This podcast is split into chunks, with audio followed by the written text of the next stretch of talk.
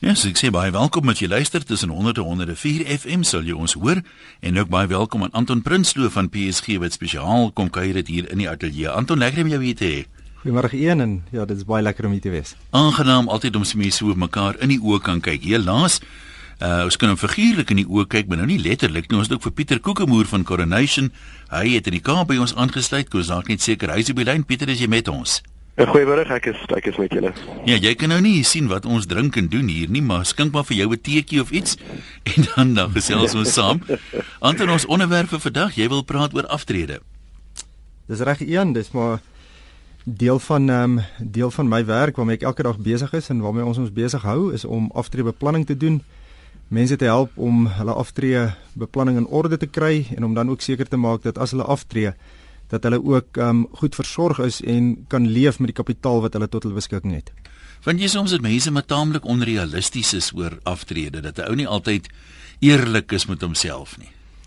Een definitief en uh, dit sou 'n baie goeie vertrekpunt wees as 'n mens oor aftreebeplanning praat is om te sê dat 'n mens maar altyd eerlik moet wees oor jouself, oor jou eie situasie. Met ander woorde As 'n mens wil aftree, dan beteken dit jy moet genoeg kapitaal beskikbaar hê om vir jouself in lewensonderhoud te kan voorsien vir 'n hele klomp jare. En as jou situasie nie dit reflekteer nie en dit is nie so nie, dan moet 'n mens maar eerlik met jouself ook wees om om te kan te kan weet dat jy nie kan aftree nie. So aftreebeplanning het definitief 'n beginpunt van eerlikheid om jou eie situasie vierkantig in die oë te kyk is baie belangrik.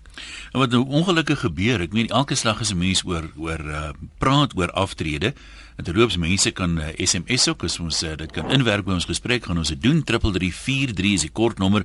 Hulle kos R1.50 elk of jy kan vanaf RSG se webwerf rsg.co.za uh, kan jy ook uh, vrae dalk stuur wat uh, Anton en uh, Pieter kan antwoord, maar die die een ding en is hartseer, maar die een ding wat mense die meeste sien hier op die SMS'e Anton as jy mens praat oor aftreebeplanning en 'n mens uh, sê jy moet soveel beskikbaar hê of wegsit of wat ook al, dan sê mense ek kan nie eers uitkom met my huidige uh, salaris of inkomste nie.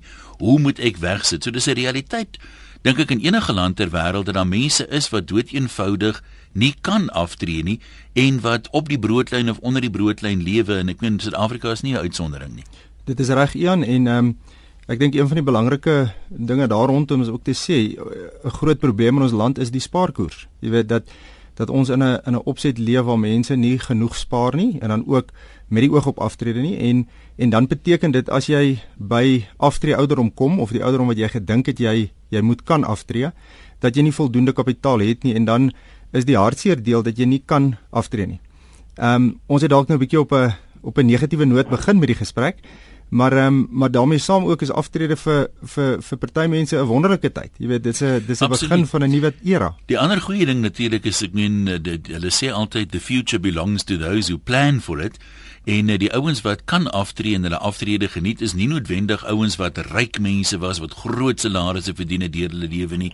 Daar is onder hulle net so baie ouens wat vroeg begin het en behoorlik beplan het en van kundige advies gebruik gemaak het.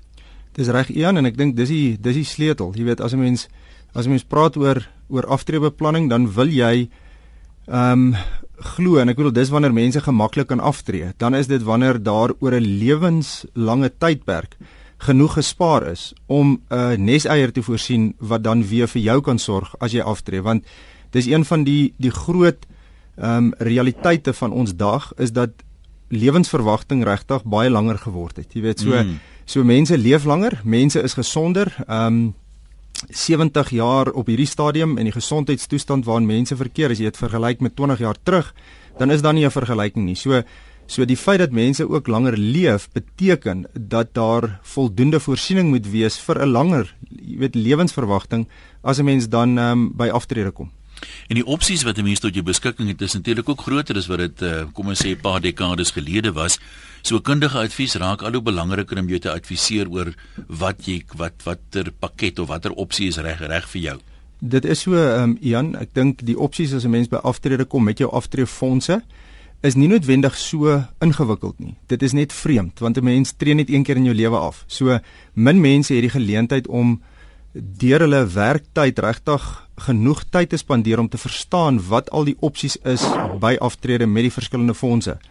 Ehm um, basies, jy weet is die is die opsies nie dis nie 'n enorme hoeveelheid opsies wat jy het nie, maar jy moet verstaan presies wat jou opsies is en uh, en dan ook wat die beste vir jou situasie gaan wees. Jy weet, mense is as jy in 'n in 'n in 'n pensioenvoertuig belê is voor aftrede uh, by jou werkgewer 'n 'n pensioenfonds, gaan jy of in 'n vaste voordeel of in 'n vaste bydraefonds wees. Um meeste fondse deesdae is vaste voordeelfondse wat beteken die ehm um, ag ekskuus tog is vaste bydraefondse wat beteken dat die die bydraes wat jy gemaak het deur die tyd is eintlik tot jou beskikking en jy moet 'n besluit maak daaroor. 'n Vaste voordeelfonds wat ehm um, wat daar nie meer so baie van is nie. Dit sou 'n fonds wees wat as 'n mens by aftrede kom, dan um, dan word die voordeel vooruit bepaal. So jou jare diens en die salarisskaal waarop jy was, daar word allerlei ehm um, berekeninge hmm. gedoen om te bepaal wat daardie pensioen is wat jy kry. Aan die ander kant, soos ek sê, die vaste bydraefonds, het jy die kapitaal om 'n besluit mee te maak. En ehm um, en dis hoe eenvoudig soos die twee, jy weet, groot opsies is. En en daarna volg nou 'n paar ander kleiner opsies, maar die belangrike deel is, dis nie so ingewikkeld nie, maar 'n mens moet die regte advies kry om seker te maak dat jy verstaan watter opsies is tot jou beskikking. En hulle kan ook verskillende uh, uh, gevolge hê in terme van jou belastingbeplanning. En daar's ook 'n woord wat weet wat verskriklik moeilik klink, maar daar kan jy dit eenvoudig vir ons verduidelik, kontantvloei modulering. Wat presies beteken dit? Kontantvloei modulering een is niks anders nie as om net 'n bietjie 'n toekomsprentjie van jou finansiële situasie op papier te sit. Met ander woorde, wat jy wil doen is jy wil probeer bepaal hoeveel kapitaal jy tot jou beskikking het dan wil jy jou kapitaal teen 'n spesifieke groeikoers laat eskaleer. Met ander woorde, 'n realistiese groeikoers. Ehm um, inflasie plus 3%, inflasie plus 4% wat wat haalbaar is in terme van opbrengs. Daarteenoor wil jy wil jy jou inkomstebehoefte oor tyd daarteen afspeel.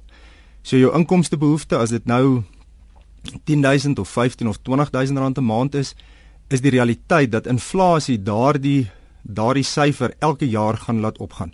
Met ander woorde, jy wil jou inkomstebehoefte vat en dan wil jy met inflasie dit laat eskaleer elke jaar en dan wil jy dit teenoor die kapitaal wat jy het wat dan ook besig is om te groei gaan gaan projekteer om te kyk hoe lank jou kapitaal na alle waarskynlikheid sal hou gegee die feit dat jy dan 'n realistiese opbrengsverwagting het inflasie plus 3-4% teenoor 'n inkomste behoefte wat elke jaar eskaleer en dit is maar die monster oor tyd inflasie mm, yeah. Ja. want ehm um, 10 rand in vandag se tyd is nie meer 10 10 rand oor 5 en 10 jaar van nou af nie.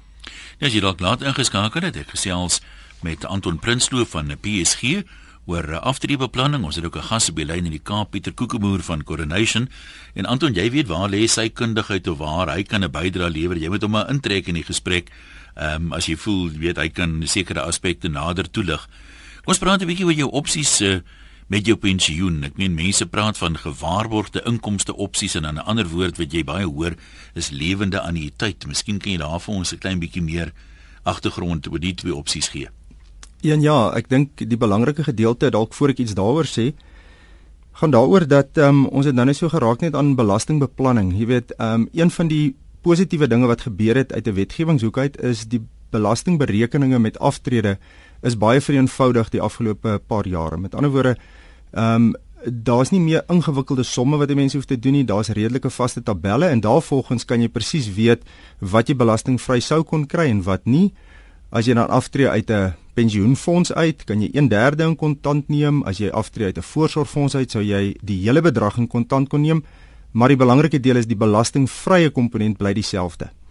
Nou die oomblik as 'n mens dan nou bepaal het wat jou wat jou belasbare gedeelte is, die pensioengedeelte, die gedeelte wat jy sou wou gebruik om vir jou 'n pensioen inkomste te voorsien lewenslank.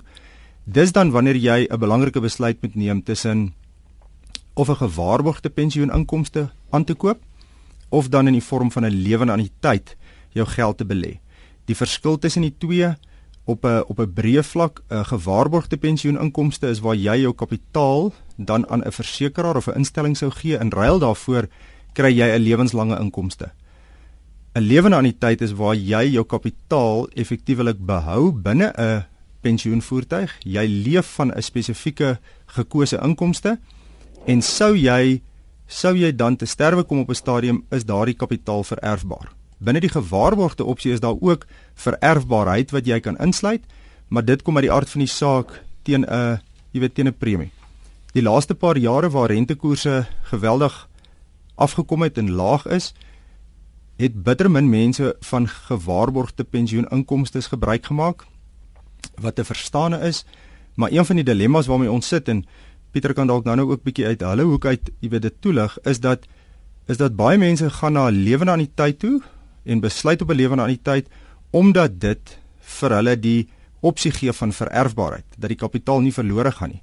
Maar dan sit hulle met 'n onttrekkingskoers, 'n inkomstekoers wat te hoog is want dit is 'n keuse, jy kan dit maak en en en dan word daai koers dalk op op 8, 9 of 10% gemaak en um, en éventueel dan groei die kapitaal nie soos wat dit moet nie en as inkomste aanpassings gemaak moet word met inflasie dan begin 'n mens op 'n stadium in 'n probleem raak dat jou kapitaal al hoe minder raak. So 'n lewende anniteit Hoewel dit 'n wonderlike voertuig is, is dit ook 'n gevaarlike voertuig.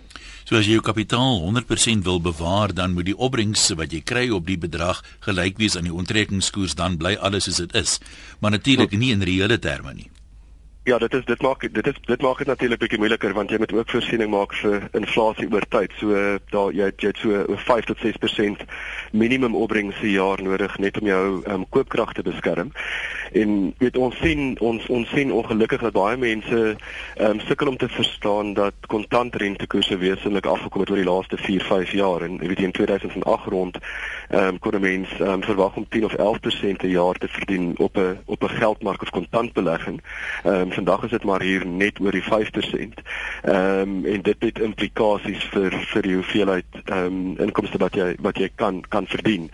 So die die met ons ons algemene riglyn advies as jy aan die begin van van aftrede kom is dat mens ehm um, baie versigtig moet wees vir onttrekkingskoers. Onttrekkingskoers in 'n lewende anniteit van meer as so 5% per jaar. My atelier gas in Johannesburg is Anton Prinsloo en in die Kaap het ons vir Pieter Kokemoer van Coronation wat telefonies by ons aansluit en ons gesels oor aftreebeplanning.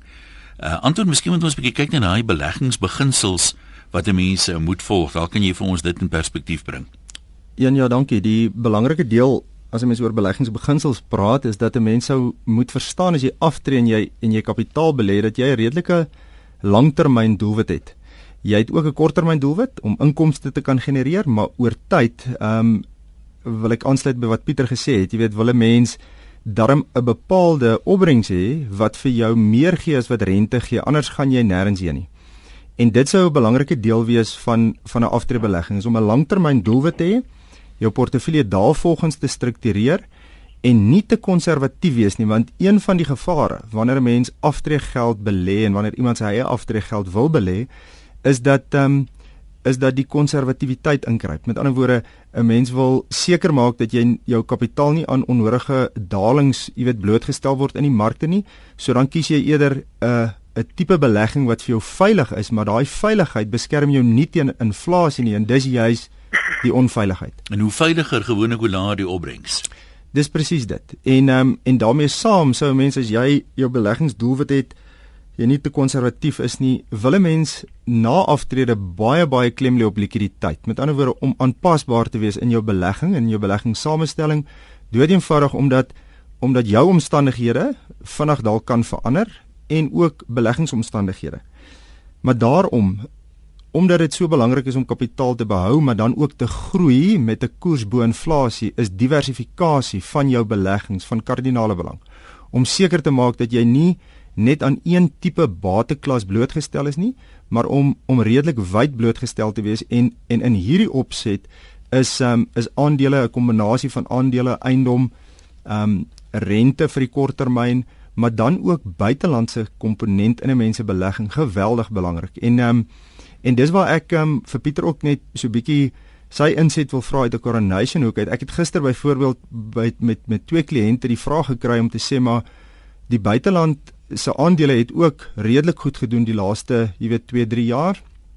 En ons eie wisselkoers het nou verskriklik verswak die laaste ruk wat ook vir 'n mens in dollar terme of in 'n buitelandse valuta terme vir jou 'n goeie opbrengs gegee die laaste ruk. Ons het net weer in die nuus gehoor, né, laaste in 4 jaar Precies wat teenoor die dollar. En nou is die vraag, eh, jy weet, soos ek sê gister by twee gevalle waar mense vir my vra maar is dit nie nou verby nie? Is opbrengs nie dalk te laat nie? En ek wil ek wil vir Pieter vra vir een of twee opmerkings van hulle kant af rondom die buiteland as 'n diversifiserende um, bateklas en bateklasse in die buiteland as 'n diversifikasie in die portefeuilles asseblief Pieter. En ek dink die die die die kort antwoord is ten ten spyte van die um, van die baie swak rand op die oomblik, ehm um, dink ons nog steeds dat die opbrengsgeleenthede oor die volgende ehm um, 4, 5 jaar beter gaan wees uit buitelandse beleggings, ehm um, goed groeibates soos aandele, ehm um, as uit um, Suid-Afrikaanse aandele. Die eenvoudige rede daarvoor is dat ten spyte van die feit dat ehm um, buitelandse aandele oor die laaste 3 jaar so 'n bietjie beter gedoen het in randterme as plaaslike aandele.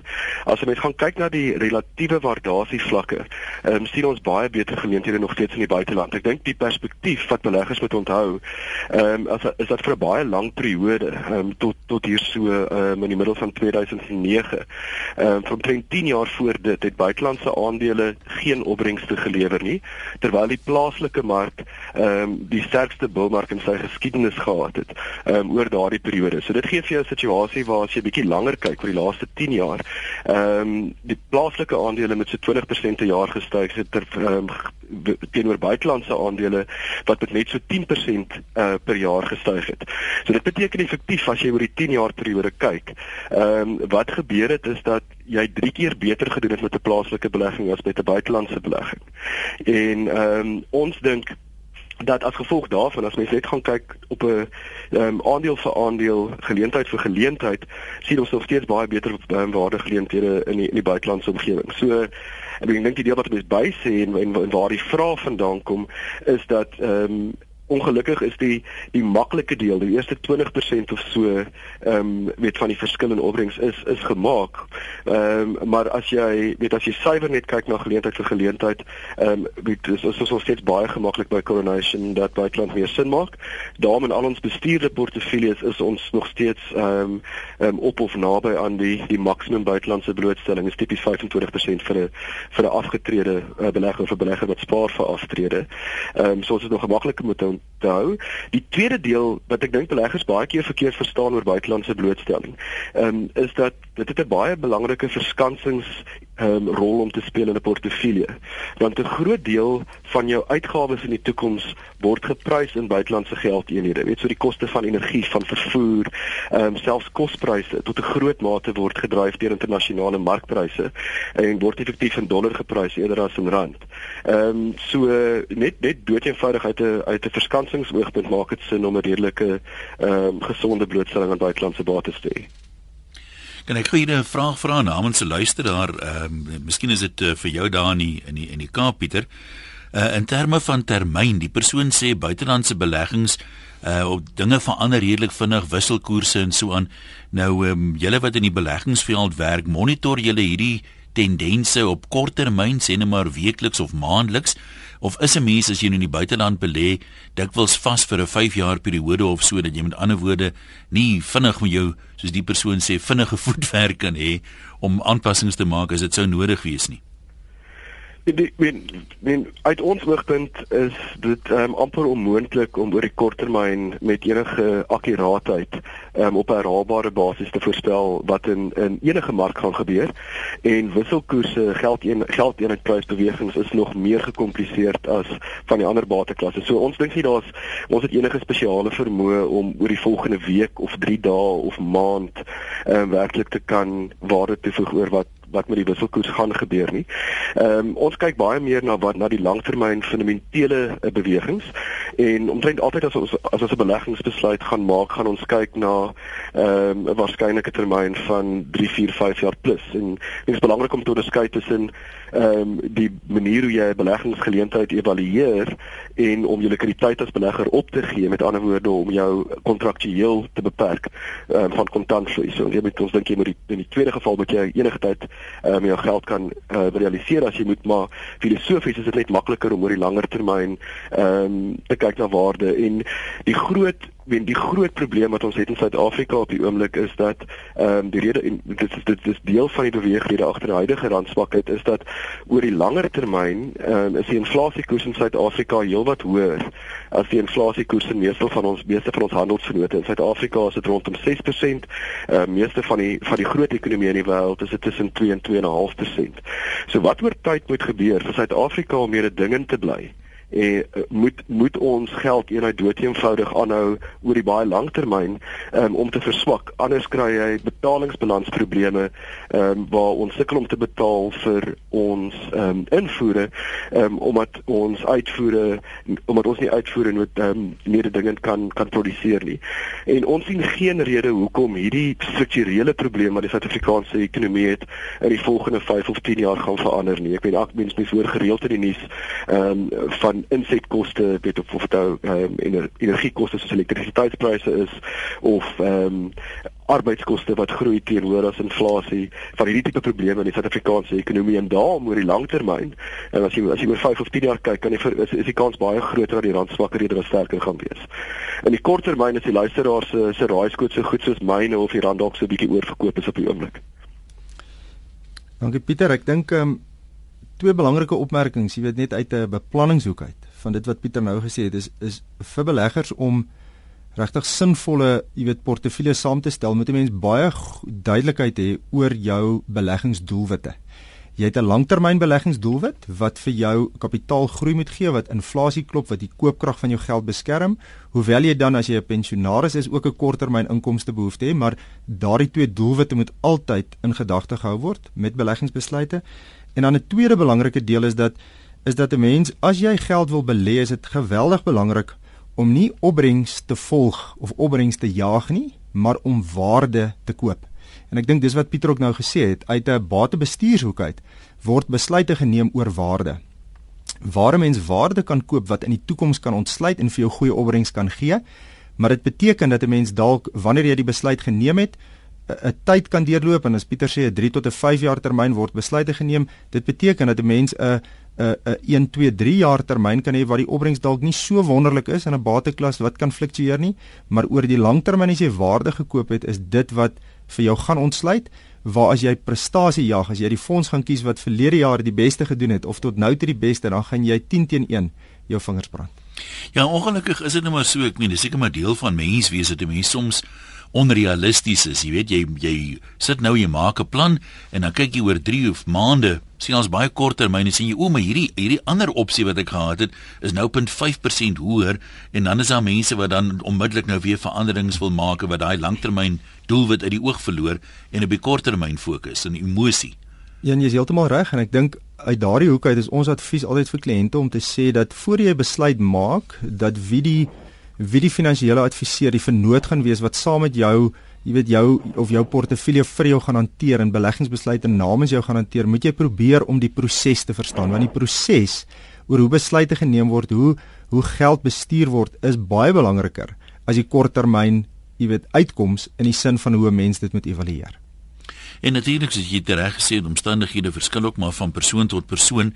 So mense het maar ehm um, daai kundige advies nodig om jou spesifieke situasie te ontleed en saam uh, daai verskillende doelwitte langtermyn, korttermyn, inkomste en opbrengs alles saam te beplan want daar is nie 'n one size fits all nie.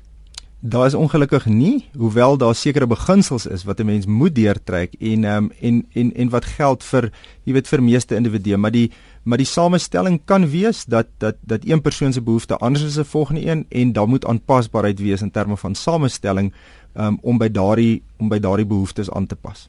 Ja, ons hier raak vinnig, ehm um, gaan vinnig verby. Slotopmerkings daar van jou in die Kaap, Pieter uh, Kokemoer van Coronation.